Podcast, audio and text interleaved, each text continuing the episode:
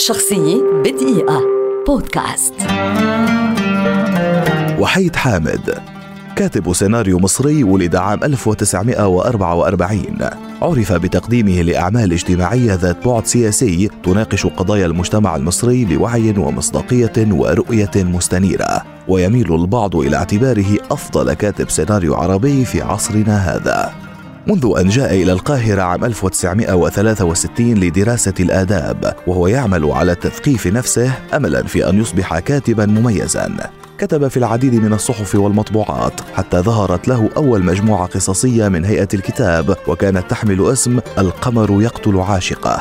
إلا أن الكاتب الكبير يوسف إدريس نصحه بالكتابة في مجال الدراما وهو ما فعله حقا وحقق فيه ما لم يحققه إنسان من قبل.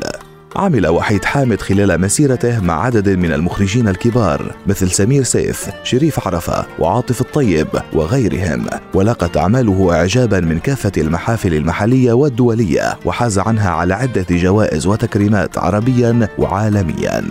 في رصيد وحيد حامد حتى اليوم عشرات الأعمال الإذاعية والمسرحية والتلفزيونية. جزء كبير منها يعد من الأعمال التي اجتازت امتحان الزمن وصارت خالدة في ذاكرتنا الجماعية مثل الإرهاب والكباب اللعب مع الكبار غريب في بيتي عمارة يعقوبيان آخر الرجال المحترمين أحلام الفتى الطائر أوان الورد وغيرها.